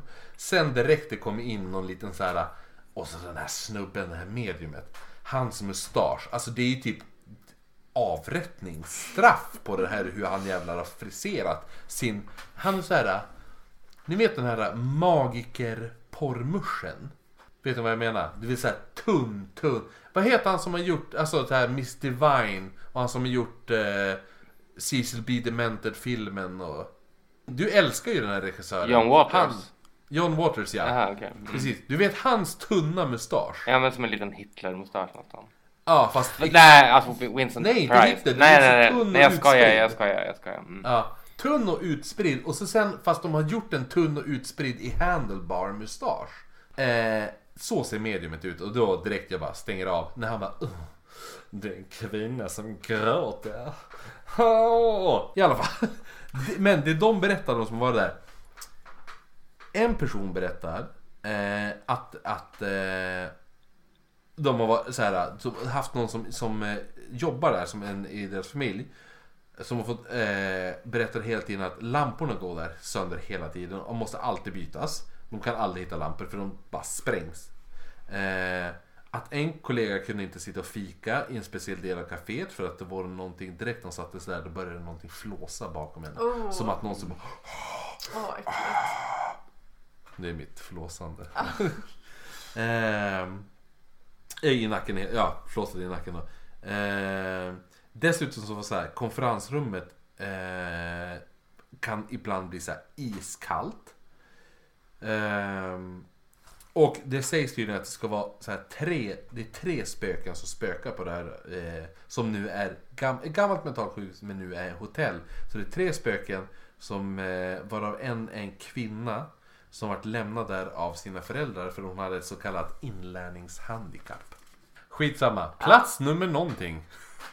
är eh, Sankt Lars, vilket är ett mentalsjukhus i Lund som innan 1931 hette Lunds hospital. hospital. Lunds hospital! säger man på svenska? Vad? Hospital. Hospital? Hospital. Säg det på Eh, danska istället. Hospital! Ja, det invigdes i alla fall 1970. Nej. 1879 och 1890 byggdes Lunds asyl vilket var för de patienter som ansågs vara obotliga. Eh, under sin blomstringsperiod så utgjorde det här sjukhuset nästan ett helt samhälle i sig. Ehm, så det var jättestort Ja, ja, ja. Ehm, många kulturpersonligheter som jag inte vet vilka det är Okej, har vad heter har de då? suttit här i perioder. Till Har du, exempel, har du någon namn då? till exempel specialisten på persisk poesi Erik Hermelin och konstnären Carl Fredrik Hill. Kändisar är väl lite att ta i va? Ja, i alla fall. Ehm, det här sjukhuset upphörde 2013 i och med att de här jättelika mentalsjukhusen avskaffades. Alltså man Mm. decentraliserade psykvården typ. Mm. Ehm, I alla fall, men utanför sjukhusets område så ligger det en gravplats där patienterna begravdes. För att i början så begravde man patienterna vid en ja, men, vanlig kyrkogård. Alltså mitt i jo, Lund, men typ. sen, jo. men sen så folket där bara Men det eh, känns- nej det- vi vill inte begrava våra Men samtidigt, Anhöriga ja, men samtidigt känns det väldigt, så här, väldigt standard på eh, så här, sinnessjukhus och mentalsjukhus. Just för att många vart ju avsläppta där. För att på den tiden vart det ju så här, du vart ju på, hamnade ju på mentalsjukhus ifall du var lite trög. Och då vart du kallad för idiot. Mm. Alltså idiot var ju tillstånd. Det var ju, det var ju en sjukdom att vara idiot. Förr i tiden. Eh, och då var ju det, familjerna ville ju inte veta av eh, de här grejerna. Så därför kunde du bara bli avdroppad som idiot. Eh, och då var det som, du hade ett namn men du hade ju ingen, ingen som visste. Du kanske hette Pierre i mitt standardnamn, jag åter alltid återkommer till. Men då byter vi, eh, byter vi namn då, så kallar vi honom för Klas. Så att, då är det så bara, ja men det här är Klas och han är idiot. Sen var han det, sen när den här, när idiot Klas dog, då var det som, ja ja, vi vet inte när han är född, vi vet inte vad han heter i efternamn. Det enda vi vet är att han heter Klas och han är död. Så att då var, det- då, bygg, då var de ju tvungna att bygga sådana här kyrkogårdar bredvid mentalsjukhusen. Och det finns jättemånga mentalsjukhus där det är eh, Jag läste om ett mentalsjukhus nu när jag gjorde research för det här. Eh, där det var sån här standard, det här spökade fast det finns inga konkreta spökberättelser. Då var det ju att eh, de har ju en kyrkogård bredvid mentalsjukhuset fullt med, med, med patienter de inte vet vilka det är. Men då har de byggt en golfbana över det. Så att, ja. Ja. Nej men i alla fall alltså som sagt vanligt folk vill ju inte ha mentalsjuk mentalpatienter på den här kyrkogården så de fick bygga en egen kyrkogård för eh, ja, men, patienterna helt enkelt. Och här ligger cirka 200 anonyma patienter begravda och endast några stycken är begravda med namn. Mm. Ehm, och det här sjukhuset har varit med på Creepypodden. Okej. Eh, och där berättas det eh, från hantverkare då, som berättade om avstängd, alltså fläktar som stängdes av. Alltså inte att eh, typ elen stängdes av, Utan att utan de att de på en knapp. Ja. typ. Ja. Ehm, det kunde låta som någon hade kommit in genom ytterdörren men ingen var där samt att ytterdörren var stängd. Verktyg som flyttade på Mm. sig och bytte plats. Eh, galna skratt från korridoren. Men det är så här classic så här poltergeist beteende Ja. lite. Och sen typ fotsteg som kommer springandes mot en samtidigt Åh, som fy lamporna släcks i takt med Åh men stegen. gud! Oj, Shut the fuck up på den. Okej. Alltså då hade man ju, jag hade ju, jag hade ju panikskrikit. Ja, Jag hade ju jag hade ju blivit- börjat gråta. Jag hade, ju, alltså. jag hade ju blivit inlagd på det avstängda sjukhuset. Ja, absolut. Ehm, och så slutar det här springande stegen just precis framför dig. Alltså fy Eh. fan. Hardcore. Var du, var du klar med din? Ja. Ja, okej. Min eh, näst sista för mig då. Är någonting som heter Duvnäshemmet. Eh, Duvnäshemmet 1947 så öppnade det här Duvnäshemmet. Det, eh, huset eh, hade byggts om invändigt för att de... Eh, för i, huset fanns innan. Men Duvnäshemmet öppnade 1947. Då hade de byggt om alltihopa. Från ett barnhem till ett vårdhem för nyblivna mödrar. Då. Eh, så det här nya Duvnäshemmet hade plats för 12 patienter. Eh, dock vart det ju lite, lite fler ibland. Det överskreds då ibland. Eh, de boende var mestadels unga, ogifta och eh, ibland inflyttade så här landsbordsor som sökte sig dit. Man kan ju tänka, det är lite den här tiden när det var lite så här fult att vara ogift och gravid. Ja. Ehm, men de sökte sig dit för ibland var det så här e- enda alternativet. Ja, ibland var det också så här bostadsbrist som gjorde att man sökte sig dit. Typ att, ja, nu är jag gravid, får en till knotting och vi har inte plats hemma så söker jag mig dit. Ehm, så många av barnen som föddes här i alla fall, efter, så- som, de hamnade ju såklart på barnhem till exempel. Eh, eller så adopterades de bort. Och så det är som, här, det, det är inte så riktigt svårt att föreställa sig att det är lite så här, sorgsen period. Nej, eh, eller vad man ska kalla. Men det är lite det jag tänker också allmän sjukhus överhuvudtaget. Det är så jävla mycket död och det är så himla mycket sorg och det är så himla mycket, det är så himla mycket tragedi. Det var ju lite det Jonny du menade i första avsnittet där. När Ja. du bara, men vad fan det är så jävla mycket tragedi redan på sjukhuset. Ska det vara spöken då också jävlar? Exakt. Eh, I alla fall. För att få bo på det här eh, så, så var man ju tvungen ändå att arbeta. Så hade de ett schema som var väldigt strikt. Alltså det var arbete, sen frukost. Sen barnskötning, sen arbete. Sen kaffe, sen arbete. Sen barnskötning, sen arbete. Sen middag, sen barnskötning. Och sen var det kväll. Ja, men i alla fall. Verksamheten då till slut övertogs av landstinget 71. Och då kom det som, de bara, nu, kom, nu måste vi göra om det här. För då fanns det ju inte, det var inte samma stigma på att vara så här, ogift mamma längre. Utan då var det som, då tog de in typ eh, eh, gravida kvinnor som hade typ missbruk och sådana där saker. Eh, missbruksproblem eller så här sociala eller psykiska problem. Och de tog över det och eh, eh, till slut då 2002 så lades det här Duvnäshemmet ner. Men då är det det att under tiden när det var ver- verksamt så var man ju tvungen att bemanna det här dygnet runt med de här nyblivna mammorna och allt det där.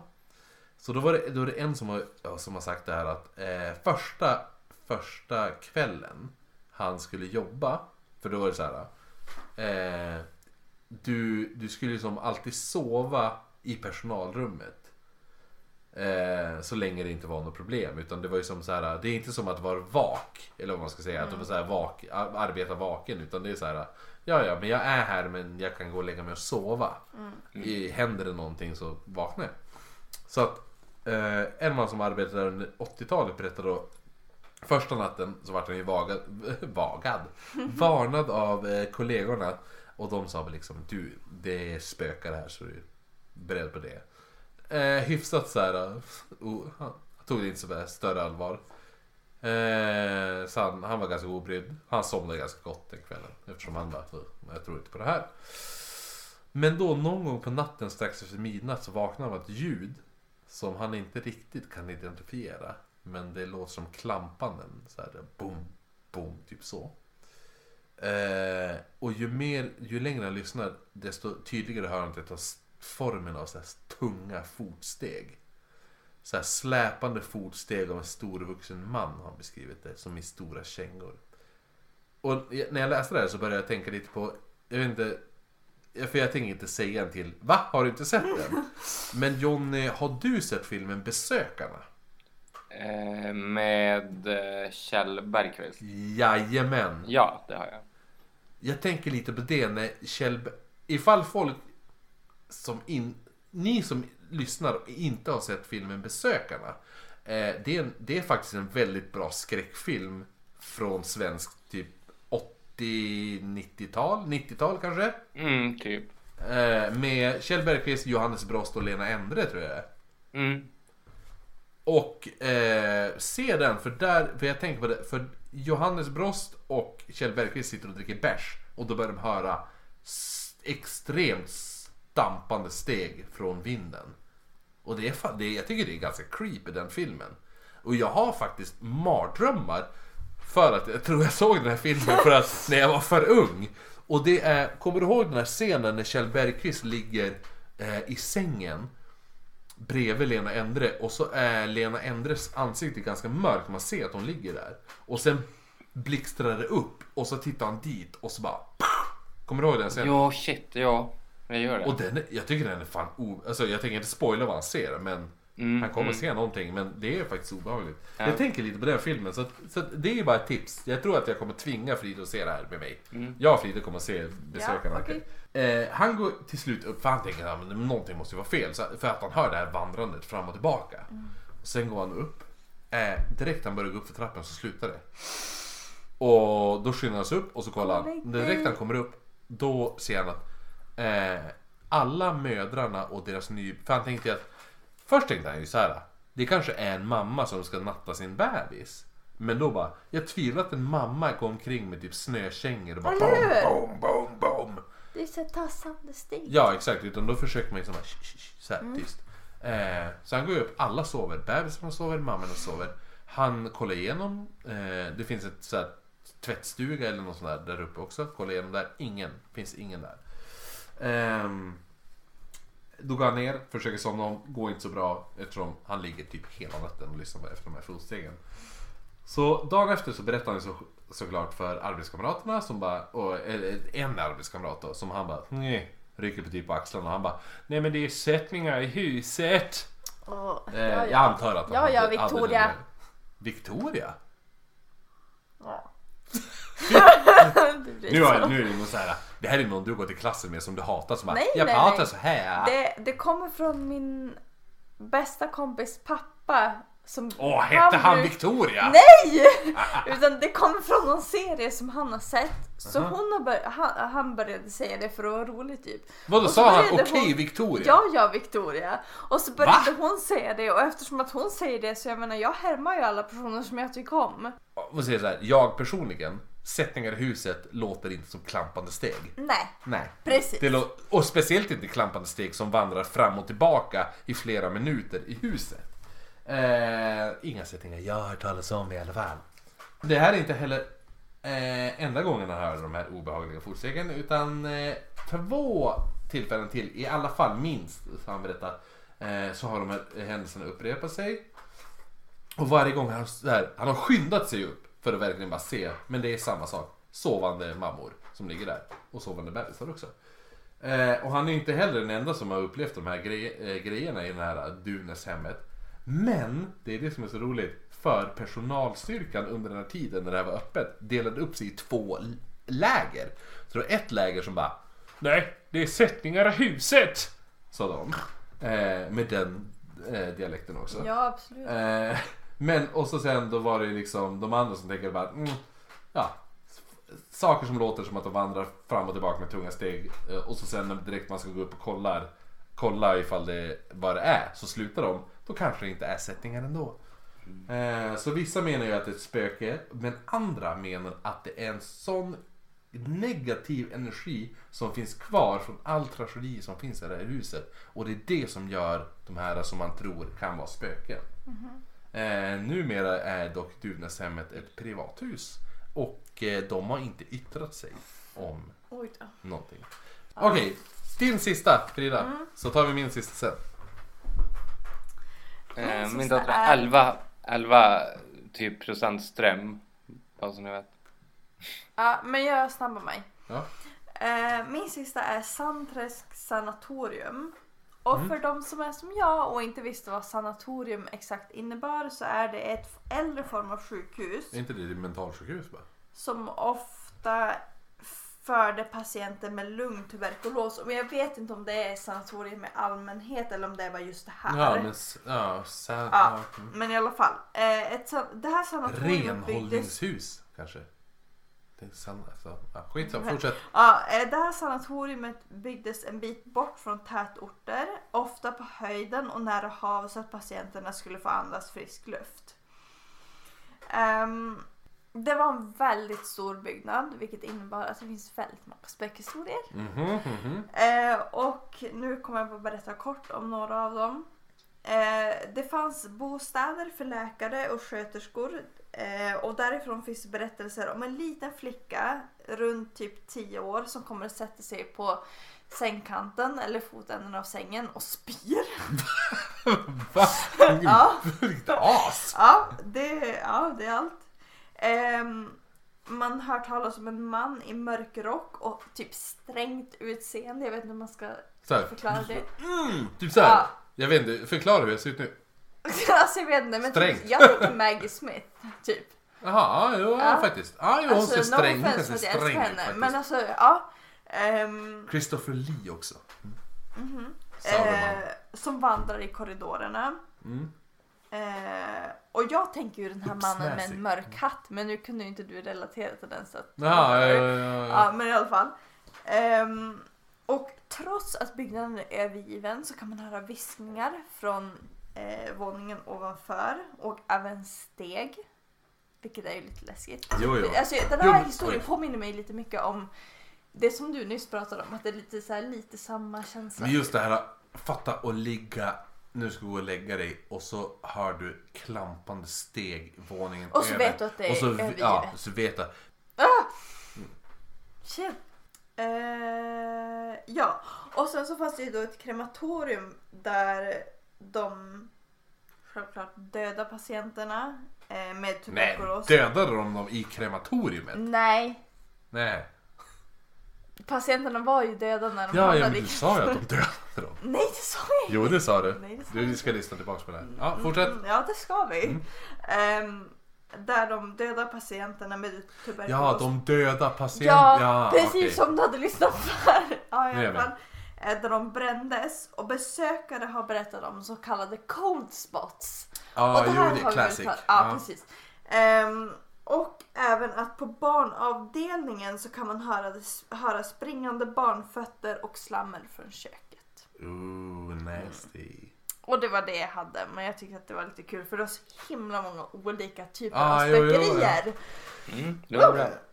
Tidigt en söndagmorgon 25 augusti 1833 så hittades Jakob Ekstedts sönderslagna lik intill vägskälet mot Åby med citat! Näsbenet och större delen av huvudskålsbenet krossat i mångfaldiga stycken så att genmassan och en myckenhet blod utrunnit. Du får ta om det där. Eh, någon gång mellan 11 och 12 natten innan så har han stött på eh, båtsmännen Anders Svala och Nils Ösare. Som hade då slitit ner honom ur sin vagn och därefter börjat bara slå sönder honom med varsin sten. Bara smäckat hans huvud. Eh, han, under tiden så bad han eh, för sitt liv, han erbjöd honom pengar men nej, de lät honom inte leva. Eh, men ja, så att, ja, ni fattar ju att han dog. Han... jo, jag förstod. Ehm, citat igen. Citat! Vi tröskade honom med en sten som en bonde med slagan på lågen. Jag vet inte vad det menas. Jag Men det var så här skryt eh, av han Anders Vala. Och Nils Ösade skröt också lite och sa citat! Det var lagom mot en tusan djävulen. Slutcitat. Eh, I alla fall, de straffades då. Först högg man av deras högerhand. Efter det steglade man dem, om ni vet vad stegla är. Nej. Nej. Vet du vad stegla är Johnny? Nej. Eh, man binder fast dem på ett hjul. Ja, nu vet Och sen s- krossar man Mm. varje ben i kroppen på dem. jag. Ja. Eh, jag var på ett, det, eh, i Stockholm finns det ett extremt bra eh, museum som heter eh, Armémuseet. Och där har de eh, väldigt utförlig eh, tidsresa genom Sveriges tortyr. Det här måste jag åka till. Ja, jag, jag, jag, har, jag tror jag har bilder från när jag och min farsa var där och kollade på jag, Ja, du har jag visat och min det. pappa har tittat på tortyr. Ja. Eh, så jag kan lägga upp en bild på det. Efter de seglades så halshöggs de eh, 20 augusti 1834. Ungefär nästan ett år efter mm, händelsen. Eh, hur som helst. Några hundra meter väster om platsen där han dog, där den här Jakob Ekstedts, eh, så ligger en liten kulle som kallas för Trollbacken. Och den här undveks då alltid nattetid från alla som bodde där. För de sa ju då att ja, det spökar på den här Trollbacken. Eh, det fanns även så här eh, järnåldersgravfält och så här stensättningar och gravhögar. De här gravhögarna har allting varit bortschaktade då. Eh, såklart. Så respektfullt. Eh, när man skulle börja bygga eh, 1910 skulle man börja bygga en så här fattigvårdsanstalt. Eh, och då när man började gräva ut det här huset, när man skulle gräva källaren då till huset så fann man sju skelett. Eh, och eh, de låg så här i inmurade gravar. Så då är ju det alltså, det är inte stenålder, järnålder, bronsålder eller någonting. Det här är inmurat, så det är väldigt nytt. Eh, men då försöker man tysta ner de här upptäckterna. Och så fortsatte som att inget hade hänt. Huset stod klart 1912, samma år som Titanic sjönk. Det, det har ingenting med det här att göra, jag vill bara det säga att jag, jag vet typ. när Titanic sjönk. eh, eh, fylldes först och främst av pensionärer men sen även så här barnhemsbarn och andra så här, eh, anledningar av folk som inte kan så här, försör, försör, försörja, heter det, försörja sig själv. Ni vet, om man har sett Emil i Lönneberga, ni vet den här fattigjonen som bodde i fattigstuga. Det är lite som att om man byggde upp ett hus åt sådana. Eh, men i alla fall efter, efter eh, några år så utvecklades det här till så kallat så här, sinnessjukhus. Och man ser även att man utförde obduktioner i källaren. Eh, det är ju dock en lite våldsam historia förutom den här Jakob då. Bland annat så var det en patient i 25-årsåldern som hängde sig i lilla kapprummet på första våningen. En äldre besökare som berättade om ett minne då han, han brukade så här, spela schack med två element som delade rum på tredje våningen. Och hur han en dag så märker han att den ena mannen är försvunnen. Och då reagerar han även på att fönstret är öppet trots att det är vinter. Eh, Så han frågar ju då den här patienten vart hans rumskamrat har tagit vägen. Eh, Den här snubben då, han bara pekar med tummen över axeln mot det här öppna fönstret och han sa Han höpp! Det är citat. Citat. Han höpp! Och vad betyder det? Alltså han hoppade. Höpp, alltså. Ja. Eh, går ut och kollar, finner då det här blodiga liket på marken. Från, tre- hoppat från tredje våningen. Som makabert. Ja, verkligen. 1995 så stängde man ju ner det här eh, stället då. Det här hette ju inte Alborgen, utan det har haft olika namn. Eh, men 1997 så öppnade man upp det igen och då kallade man det då för Alborgen. Och Alborgen är alltså så här äventyrshus. Alltså nu håller min dator på att dö. Fuck me. 1995 stängde man ner det. 1997 uppförde man det igen och då kallar man det alltså för Alborgen och nu är det alltså ett sånt här äventyrshus som då är typ som Bodaborg. Det, det, det är som, där, som allting vi pratar om där, det är ganska, det är ganska tragiska händelser som har hänt och ganska våldsamma händelser som har hänt. Eh, och eh, det är en av de här anställda som har berättat det här. Som en kväll så sitter hon inne på kontoret och är lite så här upptagen med pappersarbete och stuff. Hur som helst så hör hon ljudet av fötter som springer i korridoren på våningen ovanför. Eh, Det är ju det värsta. ja, och hon beskriver det som att det är barnfota barn. Barnfota hör jag sa. Hörde du det? Så, hörde du att jag sa barnfota? sa. barfota barn som sprungit fram och tillbaka. Annat tillfälle så har hon hört att det skrapar in från kafeterian går hon dit och ser att två stolar är utdragna. Typ som att, eh, som att ja, men så här, två personer har suttit och pratat. Så som vi sitter nu typ. Ja. eh, ställer tillbaka stolen, går tillbaka, sätter sig, tre- precis som hon sätter sig i kontorsstolen. Hör hon då. Går och kollar, samma stolar utdragna igen. Mhm. Eh, och nu ska vi se. Fan jag trodde det skulle bli bättre när jag hade papper här. Jo, eh, en tidig morgon så är hon där för att låsa upp. Går dit. Just när hon ska låsa upp är hon så här. Ah, fan, fel nyckel. Kolla så här. Då tänds lampan inifrån. Och hon bara, aha, men det är någon kollega som har kommit före. Typ, så här. Gå in och kolla, helt tomt i huset. Eh, anställda och besökare även eh, berättar så här, att de upplever lite så här, eh, att de upplever oförklarliga händelser.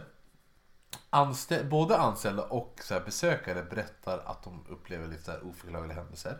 Och så personalen berättar då bland annat hur besökare ofta ser en mystisk liten flicka. Som, Som den som spydde i min berättelse. Ja, jag tänkte mig på det. Eh, nu ser hon att hur hon vandrar omkring inne i byggnaden lite sådär. Och att typ när, när barn som leker så här så står hon vid sidan av. Mm. Du det är fan creepy. jo, för att alla har ju beskrivit den här flickan på samma sätt. Hur hon ser ut, samma längd, samma hårfärg. Samma att hon alltid är iförd vit klänning. Det är en Vit klänning igen! Ja, vit klänning är klassiker. Ja, så spöken. Så här, det är så här, vi borde ha ett specialavsnitt på så här vita frun spöken. Eh, Ja, men du, ja. vadå, hatar du dem eller? Nej. Nej, okej. Men jag bara... um, Nej men även så här, flera barn som har lekt i det här äventyrshuset har sett, som har sett den här flickan då. Eh, de har ju blivit jätterädd när de har berättat om den för de tycker att de, upple de upplever henne väldigt obehaglig och, Mm. och väldigt så här. Det är inte att hon är aggressiv men att hon har något ondskefullt Det är någonting sig. som är fel Ja, med precis, henne. precis, exakt. Ehm, eh, stolar och lampor rör sig av självmant. Sen har de även hört röster och skratt. De har haft skrik i trapp, trappuppgångarna. Och även att någon har stått och gråtit om nätterna Mm. där inne. Eh, och även alltså, folk, alltså bara allmänt att folk springer omkring i byggnaden trots att det är tomt. Eh, personalen även där. Det är jättesvårt för att de har personal att hålla sig kvar. Alltså folk ser upp sig hela tiden. Ja. För anledning. Jo, personalen känner sig förföljd, iakttagen. En kille här, eh, han är i, om det är kafeterian eller vad det är. Märker att varuhissen, han hör någonting därifrån. Du, finns, du vet sådana här små varuhissar. Med som har typ mat... Mathissar, ja Ah, precis. Han hör något Oh. där, tittar dit, ser att den öppnas inifrån. Ja, sakta trycks handtaget ner och Vänta, öppnas. benen. Okej. Eh, sam, samma, samma kille även eh, såg även att eh, medan han håller på att städa och sånt där så titt, hör han någonting bakom sig, vänder sig om och så ser han att dammsugaren börjar rulla sakta mot honom. Den rullade minst två meter mot honom. Ehm, efter det sa han upp sig. Ja, honom. Så att eh, det är väldigt vanligt att personal säger upp sig på det här för att de, Ja. de är Det är så, så starka grejer som händer. Ehm, I alla fall, Skitotäckt ju. jo.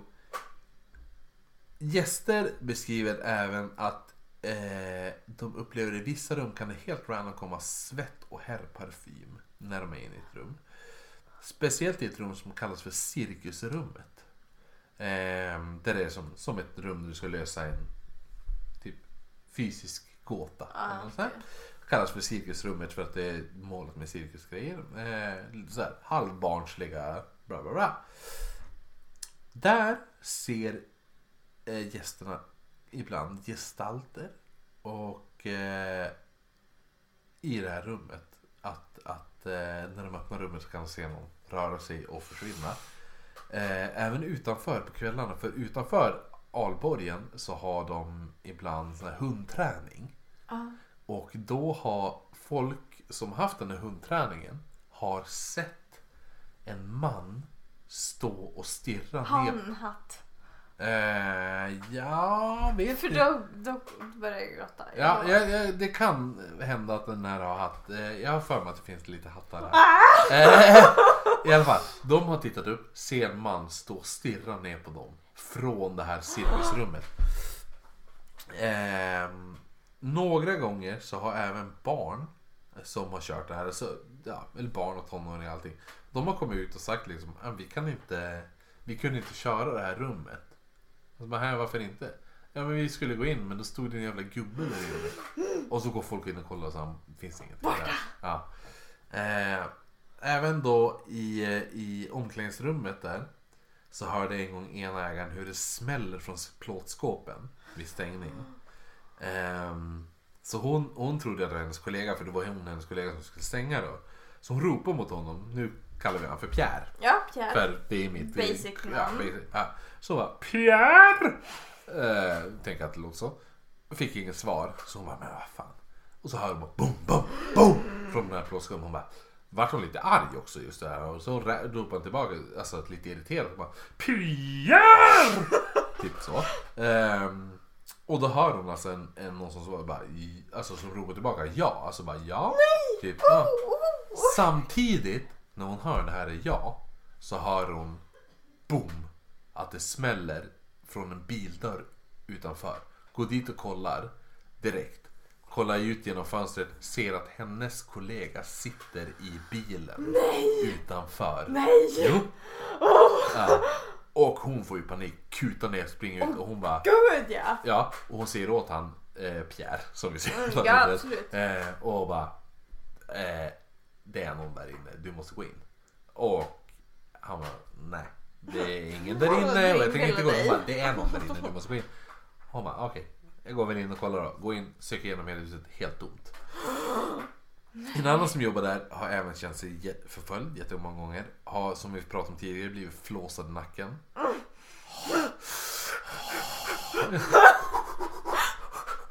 Eh, den här personen som har blivit kåtflåsad i nacken. Men eh, hur som helst, det var något osynligt i alla fall. Han såg även när han tittade ut i en korridor när han kände sig iakttagen. Så du vet sådana eh, stegar som man fäller ut så här. Ja. Alltså, nu ser ju inte folk hur jag menar. Nej men jag förstår vad du menar. Ja, men Alltså, det, är som, man bara... det är som ett I och så blir det som ett A utan streck. Ja.